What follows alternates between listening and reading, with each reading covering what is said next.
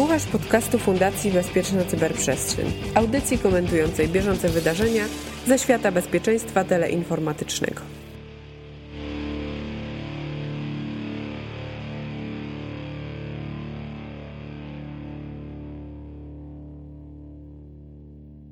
W lipcu rozmawialiśmy o Threat Intelligence, dziś w tym samym składzie skupimy się na APT-41. Przed mikrofonami Marcin Siedlarz i Wojciech Ledzion z FireEye oraz tradycyjnie Mirek Maj i Łukasz Jachowicz, a przed Tobą 82 odcinek podcastu CyberCyber. Cyber.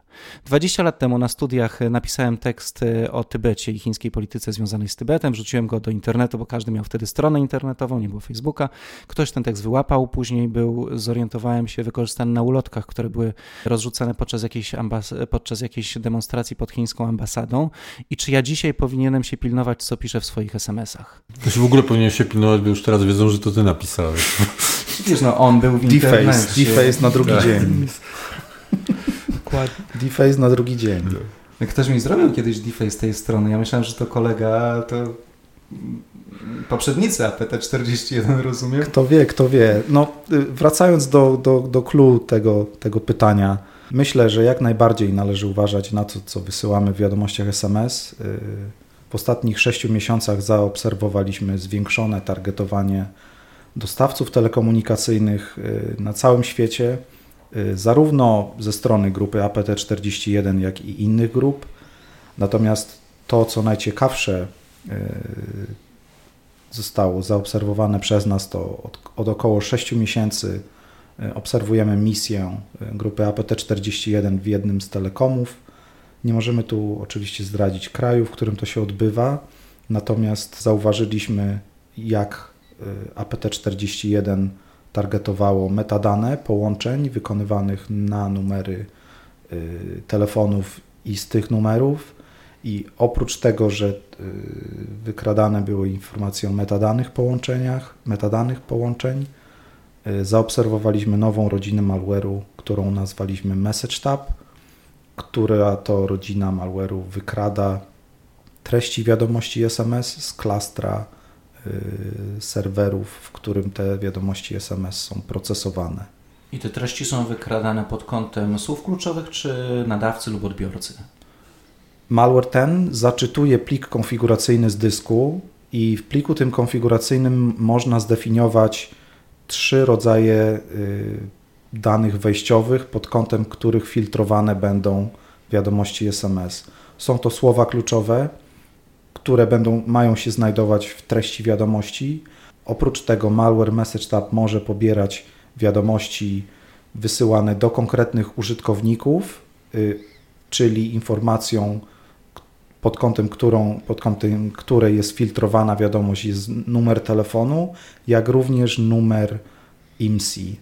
A czy to jest e, jakaś e, w miarę nowa kampania, czy to na przykład, nie wiem, powiązana jakoś z ostatnimi protestami w Hongkongu, czy to już jest jakaś zastała, odkryta dopiero niedawno? Już powiedział, że nie może powiedzieć, który telekom, a ty się pytasz, czy, czy, Hongkong. czy w Hongkongu. Troszeczkę o czasie możemy rozmawiać, jak najbardziej i y, po odkryciu Message Tab próbowaliśmy znaleźć jakiekolwiek informacje, y, od kiedy mogą, może być używany Message Tab, jak dawno został napisany, czy tam, y, czy stworzony dla, dla chińskich grup. I wydaje się, że taką graniczną datą, przynajmniej z, z punktu widzenia naszej widoczności cyberprzestrzeni, jest grudzień zeszłego roku, czyli jest to, y, jest to kampania dość nowa. Ale z drugiej strony, no, jak, jak spojrzeć na te materiały dotyczące APT-41, o tej grupie rozmawiamy, to y, pierwsze daty, y, jakie się pojawiają, to zdaje się 2012 rok. Czy to jest tak, że ta ostatnia y, akcja, ta operacja ostatnia pozwoliła na, w ogóle na, na to, że można było zaobserwować tę grupę i teraz po kolei capać się gdzieś tam w tym timeline i zobaczyć, że oni już wcześniej broili w sieci? Czy dopiero, czy, czy dopiero... Nie, no, chyba na początku był jakiś problem z połączeniem, kto jest kto i czy oni są ci, ale to już dawno zostało o tym. Chyba na tak, nie, bo to jest taka... Rozmawialiśmy no, tak, o tym no. w lipcu i, i yy, rozmawialiśmy do tamtego odcinka. Rozmawialiśmy o, kla, rozmawialiśmy o klastrowaniu informacji, klastrowaniu aktywności w cyberprzestrzeni, czy to włamań, czy jakichś nawet strzępków informacji o misjach wykonywanych. I ten pierwszy klaster, y, który de facto później stał się dopiero pół roku temu y, klastrem APT-41, ten pierwszy klaster został utworzony w 2013 roku na podstawie misji, którą APT-41 wykonało w marcu 2012 bodajże. Także jest to mniej więcej 6 lat trakowania tej grupy. Wykonaliśmy do tego momentu graduacji do grupy APT41 9 y, tak zwanych merge'ów, czyli 9 innych klastrów y, połączyliśmy z tym klastrem takim pierwszym stworzonym. 6 takich prób zmerdżowania grup nie przeszło naszych wewnętrznych testów i, i, i tak to mniej więcej wygląda na przestrzeni ostatnich sześciu lat. Dziewięć merge'ów oznacza, że wcześniej było, e, robili tak odmienne rzeczy, że dopiero potem się udało połączyć to, że to jest jednak ta sama grupa, dobrze to rozumiem? Dokładnie tak jest. No bo APT-41 chyba jest dość nietypową, bo to nie są tacy no typowi Właśnie patrioci. to jest taki, taki nowy, mi to przypomina trochę e, coś, co, czego jakby w tym systemie chińskim działania e, do tej pory nie było, albo ja nie jestem świadomy tego, a z, dru a z drugiej strony przypomina mi to model jeszcze z okresów e, e, RBN-u, e, tak, gdzie po prostu było taki license to kill, po prostu license to hack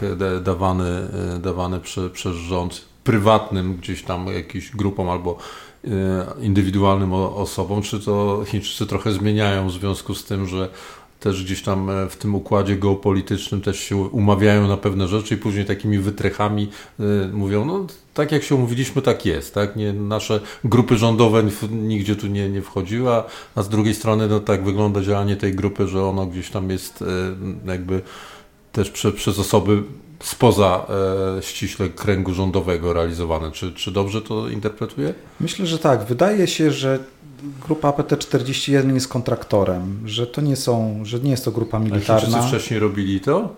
Takie kontraktowanie? O, oprócz tego, że wykorzystywali zawsze tych, tych, tych patriotycznych tak zwanych. Jak najbardziej. na przykład... tutaj bardziej oni na, na finansowych, że tak powiem, wyglądają. Ale, nie, nie, to dopiero po 17. Od 9 do 17 robią patriotyczne rzeczy. Mhm. Dokładnie tak. A po, po godzinach pracy, że tak powiem. Muszą dla... zarobić. Po godzinach pracy muszą zarobić. Jeden tak, kraj, dwa systemy. Z tym, tak, z tym wiązały się misje, y, które miały na celu właśnie przyniesienie korzyści majątkowej i świadczą o tym między innymi instalowanie, próby instalowania ransomware'u, czy próby ingerencji, kradzieży y, wirtualnej waluty w grach wideo. Y, natomiast wracając tutaj do tego pytania, czy, czy było takie kontraktowanie robione wcześniej, jak najbardziej. Taką chyba najbardziej znaną grupą chińską kontraktorów to była grupa PT3.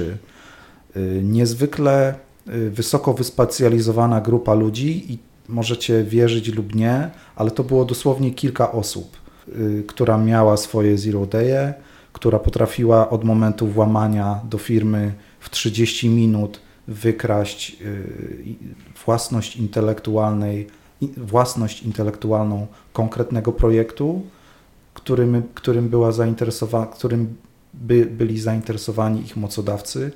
Także to APT3 y, jest takim klasycznym przykładem mhm. grupy kontraktorów pracujących na rzecz y, chińskiego rządu. W ogóle chyba troszkę się zmienił cel działań grup chińskich APT, bo rzeczywiście wspomniałeś o kradzieży własności intelektualnej i to kiedyś to chyba było takie klasyczne szpiegostwo przemysłowe, czyli kradniemy wam wasze projekty, żeby je u siebie wdrożyć, a od paru lat chyba Chińczycy już skupiają się na zupełnie in, na, na wykradaniu zupełnie innych informacji. No tam te wszystkie już wykradli. Znaczy, no teraz, teraz jest faza tam... monetyzacji, budowania tych no bo widziałem, że na przykład... Oni teraz zaproponują zacieśnienie prawa międzynarodowego w tej kwestii. Ale oni chyba już to pro... tak, proponują, ale generalnie chodzi o to chyba, że teraz na przykład jak są szykowane jakieś rozmowy o połączeniu firm, to e, chińscy włamywacze pomagają swoim e, lokalnym firmom, e, pomagając w uzyskaniu dostępu do stanowisk negocjacyjnych, nim zostaną firm partnerskich, że tak powiem, z, z zachodu tak, ja myślę, że ta mo motywacja występuje już od jakiegoś czasu, szczególnie właśnie w tak zwanych mergers and acquisitions, czyli połączenia firm, y, w których jakikolwiek kapitał chiński jest, y, y, są zawsze zagrożone takimi misjami. A kto jest główną ofiarą działania APT-41? Jaki sektor, a może jakiś kraj? To się zmienia z tego, co mam tu taką ładną grafikę. Zaczęło się od, od, słabo widać. od sektora, dlatego ją teraz opisuję. Zaczęło się od, od sektora e, gier komputerowych i to chyba chińskiego w ogóle. E, Tak, chińskiego Azja i Azja obszaru. Południowo-Wschodnia. Później się e, pojawiły właśnie high- high-techy, tak? E, I tak dalej, i tak dalej, media. E, I te telekomy to tak gdzieś dopiero na końcu 2017 roku, z tego co widzę z tej ładnej grafiki. Tak, ale z, patrząc na aktualną aktywność grupy, no ewidentnie tutaj wskazuje to, że, że głównym targetem są jednak e, nadal telekomy. E, jeśli chodzi o, o tą działalność e, taką typowo espionage. Natomiast również ta aktywność na, na polu tych dostawców online'owych gier komputerowych w celu jak gdyby no, zdobycia finansowania e, swojej działalności na przyszłość. No, też tutaj jest e, mocno widziana przez nas i, i, i to się dzieje teraz. Znaczy, tak. To mógł być ten obszar, gdzie dostawali jakby pozwolenie na działanie, tak? Żeby zarobić kasę, tak? Tak. E, Żeby nie trzeba było im płacić z, z, z rządowych. Ale w ogóle oni w dosyć ciekawy sposób działają, znaczy to zgodnie z najnowszymi trendami, modami, bo oni chyba nie zawsze atakują bezpośrednio ofiary, tylko czasem trudno się zorientować, kogo atakują. To znaczy, e, tak, e, to jest jedna z e, metod, z wektorów ataków, który grupa PT41 e, dosyć często korzysta, jak żeby nie powiedzieć, że to dość ulubiony ich wektor ataku, to jest atak na dostawcy, na łańcuch dostaw. I tutaj głównie są to ataki na online'owych e, dostawców gier wideo. Pierwszy tak naprawdę z naszej perspektywy jako FireEye potwierdzony atak m, przy wykorzystaniu wektora ataku na łańcuch dostaw miał miejsce w 2017 roku e, i dotyczył to firmy NetSrange. To, taki dostawca oprogramowania również oprogramowania do zarządzania sesjami zdalnymi, e, więc e, i, atak e, dotyczył ataku na narzędzie, które jak gdyby było przeznaczone do zarządzania sesjami zdalnymi. Natomiast przypuszczamy, co prawda nie mamy twardych dowodów e, e, z naszej perspektywy jako FireEye, ale pierwszy atak na łańcuch dostaw miał miejsce w 2014 roku i, i to był atak na wschodniego e, dostawcę online'owych gier wideo. A czy oni mieli coś wspólnego z Shadowhammerem, z atakiem na, na, na Asusa? Tak, wydaje się, że, że mieli. Natomiast Nasze informacje o tej misji pochodzą głównie z OSINT-u, czyli z raportów innych y, vendorów, więc jakby tu nie mamy Mhm. informacji z pierwszej ręki. dokładnie. y, y, Natomiast wydaje mi się, że Maka znaleźliśmy jednego, bo to było z tym Makiem, tak? Tak.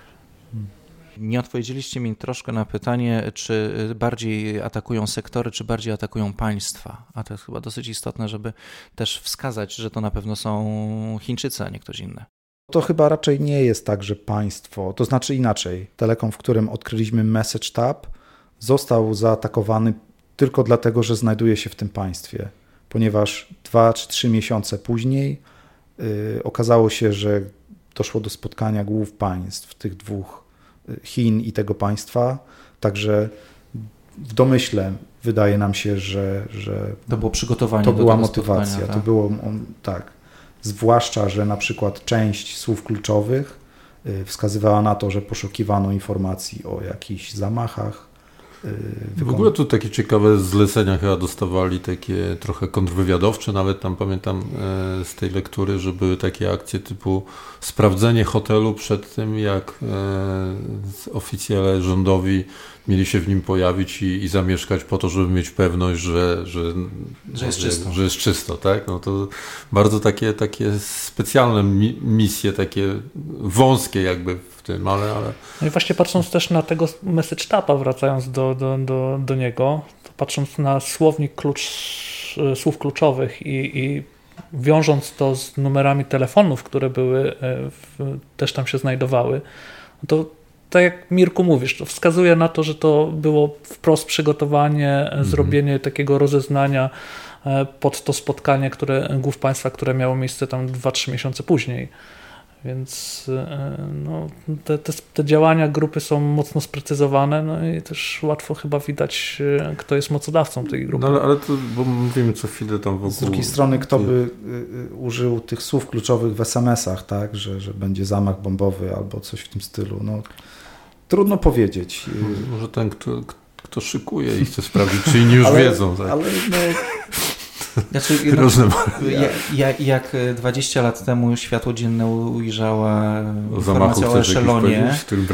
Nie, no jak 20, no to warto już trochę więcej niż 20. Nie, no 20 lat temu o eszelonie tak. zaczęło się mówić, to wtedy w sygnaturkach sobie ludzie wyrzucali zamach, bomba i tak dalej, żeby ogłupić system. Takie były czasy. No nie wiem, czy dzisiaj ktoś by ryzykował takim, takimi próbami. No tak, podejrzewam, że jak ktoś chce się do, do Stanów dostać y, na wakacje, to, to raczej by Ale, ale tutaj, bo robić. cały czas mówimy Chińczycy, no ale właściwie ta, ta atrybucja zdaje się jest potwierdzona. Tam są konkretne, pojawiają się niki, tak? Dwa, dwie persony dwie, dwie tak persony, zwane. Tak, tak. I, Czyli chyba... chyba... nie mamy informacji precyzyjnych odnośnie imienia i nazwiska, natomiast te, te dwie persony, które są prawdopodobnie nieprzypadkowymi nikami występują na różnych forach chińskich y, związanych y, z pisaniem oprogramowania złośliwego też, więc jakby ta atrybucja opiera się również na, na, y, na tych dwóch personach. No i sam malware, który jest wykorzystywany tylko i wyłącznie przez grupy chińskie. Jakby mnogość, wydaje mi się, że mnogość rodzin malware'u wykorzystywanego przez APT41 daje Około bardzo, 150 bardzo różnych. E, ponad 45 rodzin. 45. Tak, tak. tak. Myślę, że to jest, że, że możliwość, że ktoś byłby w stanie mm, działać pod fałszywą flagą, wykorzystując tak szeroki wachlarz, jest praktycznie znikoma. Znaczy Polska była, no, nasze relacje chińskie są, są, się zacieśniają, poza tym 5G chcemy sobie zbudować, to czy, czy wykryliście jakieś działania związane z Polską? Czy na, na razie... obecną chwilę nie mamy żadnej polskiej ofiary y, APT-41. Wiadomo oczywiście, że, że to jest tylko i wyłącznie nasza widoczność związana z naszymi urządzeniami czy projektami Incident Response, no ale do tej pory nie mamy żadnej aktywności. Aczkolwiek no, z współpracy z, jak gdyby z innymi partnerami naszymi e, pojawiły się chyba, nie wiem czy potwierdzone, wydaje mi się, że chyba e, zostało to potwierdzone gdzieś e, jak gdyby obecność message tapa w Europie. Mhm. Czyli ten mój tekst o Tybecie będzie mi przesiadać. Ja cicho siedzę, bo cały czas na mapie sobie odznaczam te, te które zostały jeszcze, czyli nie Europa. Nie, ale to łatwo będzie Ciekawe. Stref, stref, strefę, strefę czasową już znam. Właściwie odpowiedź jest znana, no ale jak to nie znaczy, możecie powiedzieć. To, to... znaczy, wie, wie, wiemy kiedy, wiemy, że trzy miesiące później spotkanie głów państw. Wiemy, to... kiedy u nich jest po pracy, a tam jest w ciągu pracy. Prosiłbym, żeby nie tweetować tych informacji, jeśli ktoś znajdzie, bo, bo jednak musimy chronić tożsamość naszych klientów. Nie, no to jest oczywiste, to jest nie, czyste, no czyste gdybanie.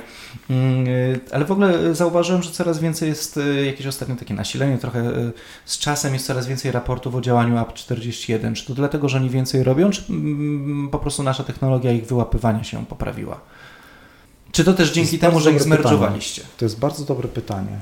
Mm, myślę, że y, myślę, że to jest jakby połączenie kilku tych czynników, czyli samo zmerdżowanie oczywiście tak.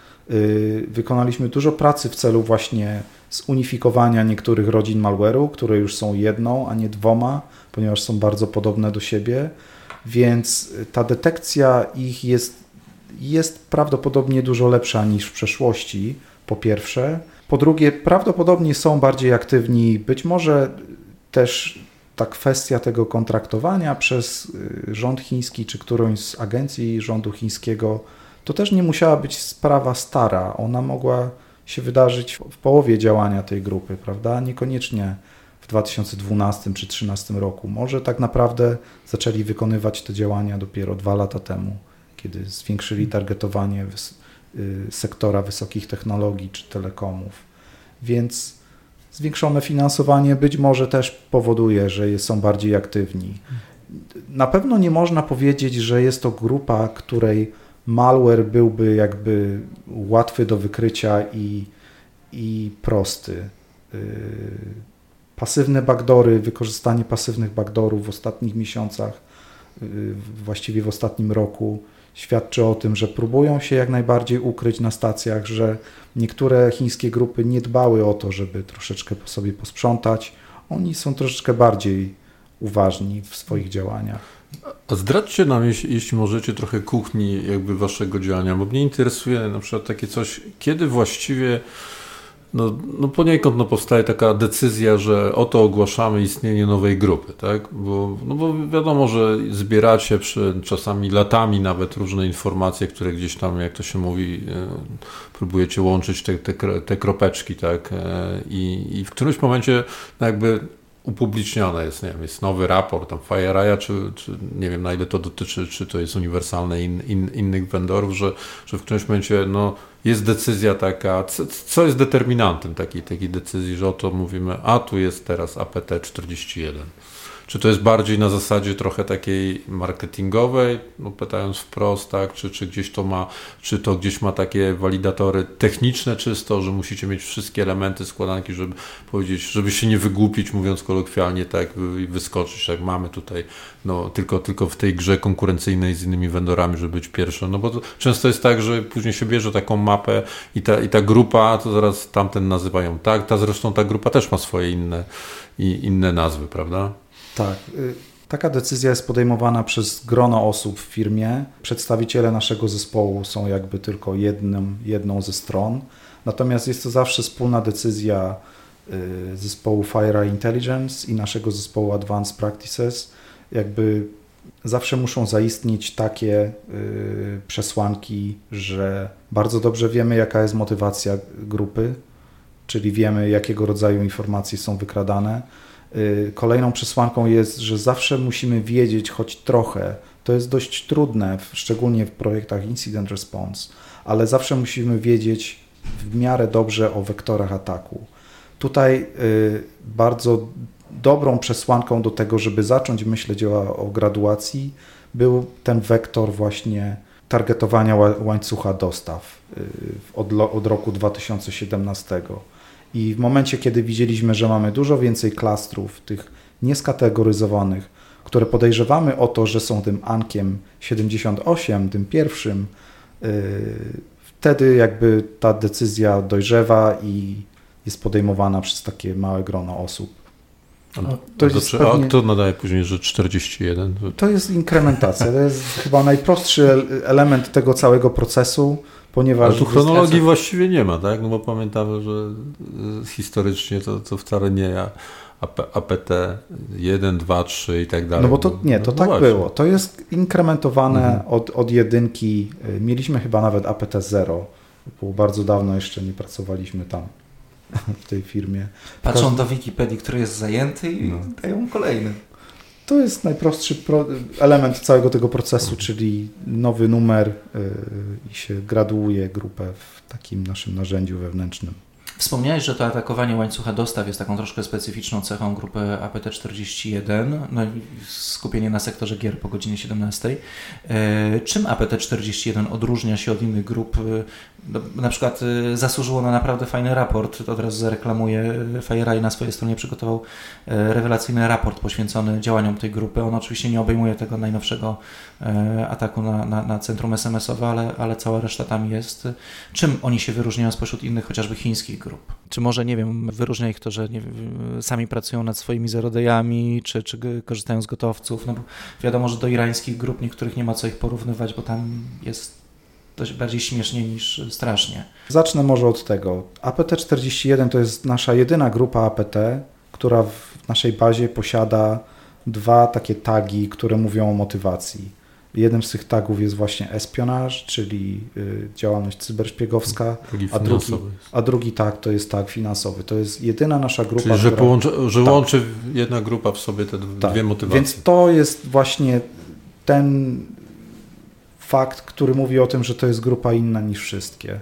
Y, na Ale pewno... zobacz, na przykład Korea Północna, zdaje się też, mówiło się dużo o tym, że Korea Północna y, również z przyczyn budżetowych e, prowadzi swoje działania? To już odpowiadam na to pytanie. APT38, grupa, która właśnie targetuje y, firmy po to, żeby kraść pieniądze, tak? To jest grupa północno-koreańska, która ma tylko jeden tag. Która to jest, w, w, Pol- w Polsce też jest znana ta grupa, tak? jest znana, To- jest, jest. Niektóre. Miałem okazję, tak, popracować troszkę nad tym malwarem i no, Okej, czyli oni nie szpiegują. Oni mają Tak. czysto... Okej, dobra. oni mają tylko fin game. Przynajmniej z jedno- naszej perspektywy, z naszej widoczności. Jednostką to- Ministerstwa Finansów po prostu. To jest taka informacja dla tych, którzy chcą to organizować kiedyś. Gdzie to zlokalizować?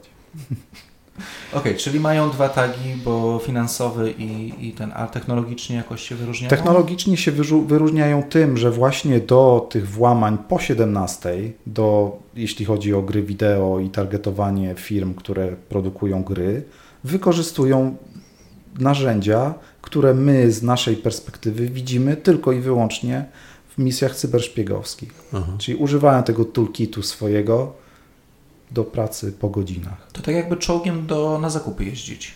Trochę. No trochę tak, no tak łączą przyjemne z pożytecznym.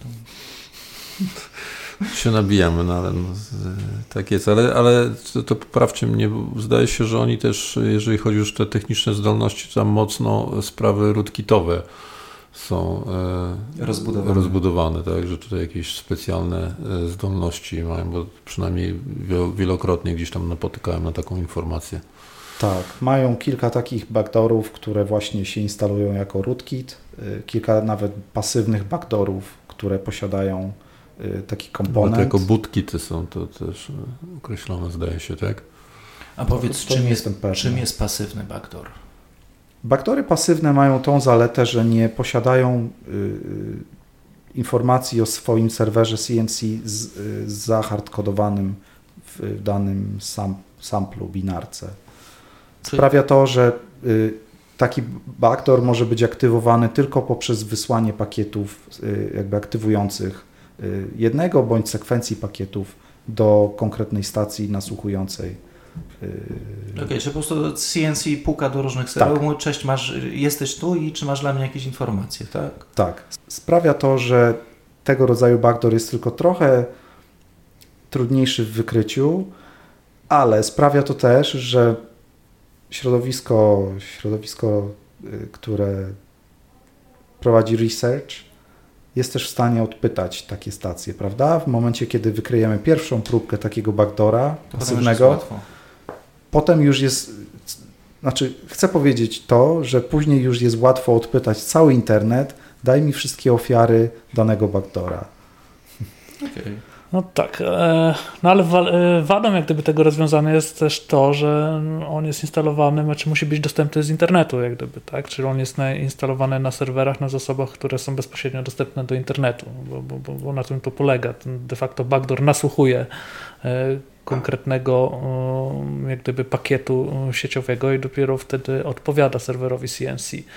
No ale zaletą jest to, że, że łatwo je, je znaleźć w internecie, jak się już wie czego szukać. Ja powiem tak. Kiedy się spotykamy, jest piątek. Jutro będziecie opowiadać o tym wszystkim na konferencji, na której wszyscy będziemy. Czyli opowiadali trzy dni temu. Czyli tak opowiadaliście trzy dni temu. Bardzo, bardzo dobry, bardzo dobry wykład. Bardzo się cieszę, że na nim byłem. Byłem, czy akurat ja wtedy prezentowałem? Nie no, fajnie mówił. Żartujemy sobie, ale to są jakby ta, ta, ta kuchnia e, e, pro, produkcyjna, tak? Podcastu spotykamy się e, w piątek, jutro jest Jutro całe środowisko hack, ale, Security się ale zapewne słuchające o tym się dowiedzą w poniedziałek albo we wtorek. Dokładnie, więc na tym kończymy 82 odcinek podcastu Cyber Cyber. Inne znajdziesz w swojej aplikacji podcastowej na stronie Fundacji Bezpieczna Cyberprzestrzeń w mediach społecznościowych i ostro zaczęła fundacja chyba też promować na YouTubie się wreszcie. A tam mamy w ogóle grono jakby przyjaciół, które po prostu się mocno uaktywniło, jeśli chodzi o komentarze, naprawdę jakby kreatywność tych komentarzy hejterskich Aż zajrzę. aż, e, aż zadziwiająca, bardzo fajna. Pozdrawiamy komentujących na YouTubie. Napędzają oglądalność, dlatego mi się I żegnają Was Marcin Siedlarz i Wojciech z FireEye oraz Łukasz Jachowicz i Mirek Maj z Fundacji Bezpieczna Cyberprzestrzeń. Do usłyszenia za dwa tygodnie plus te parę dni na kuchnię podcastową. Do usłyszenia.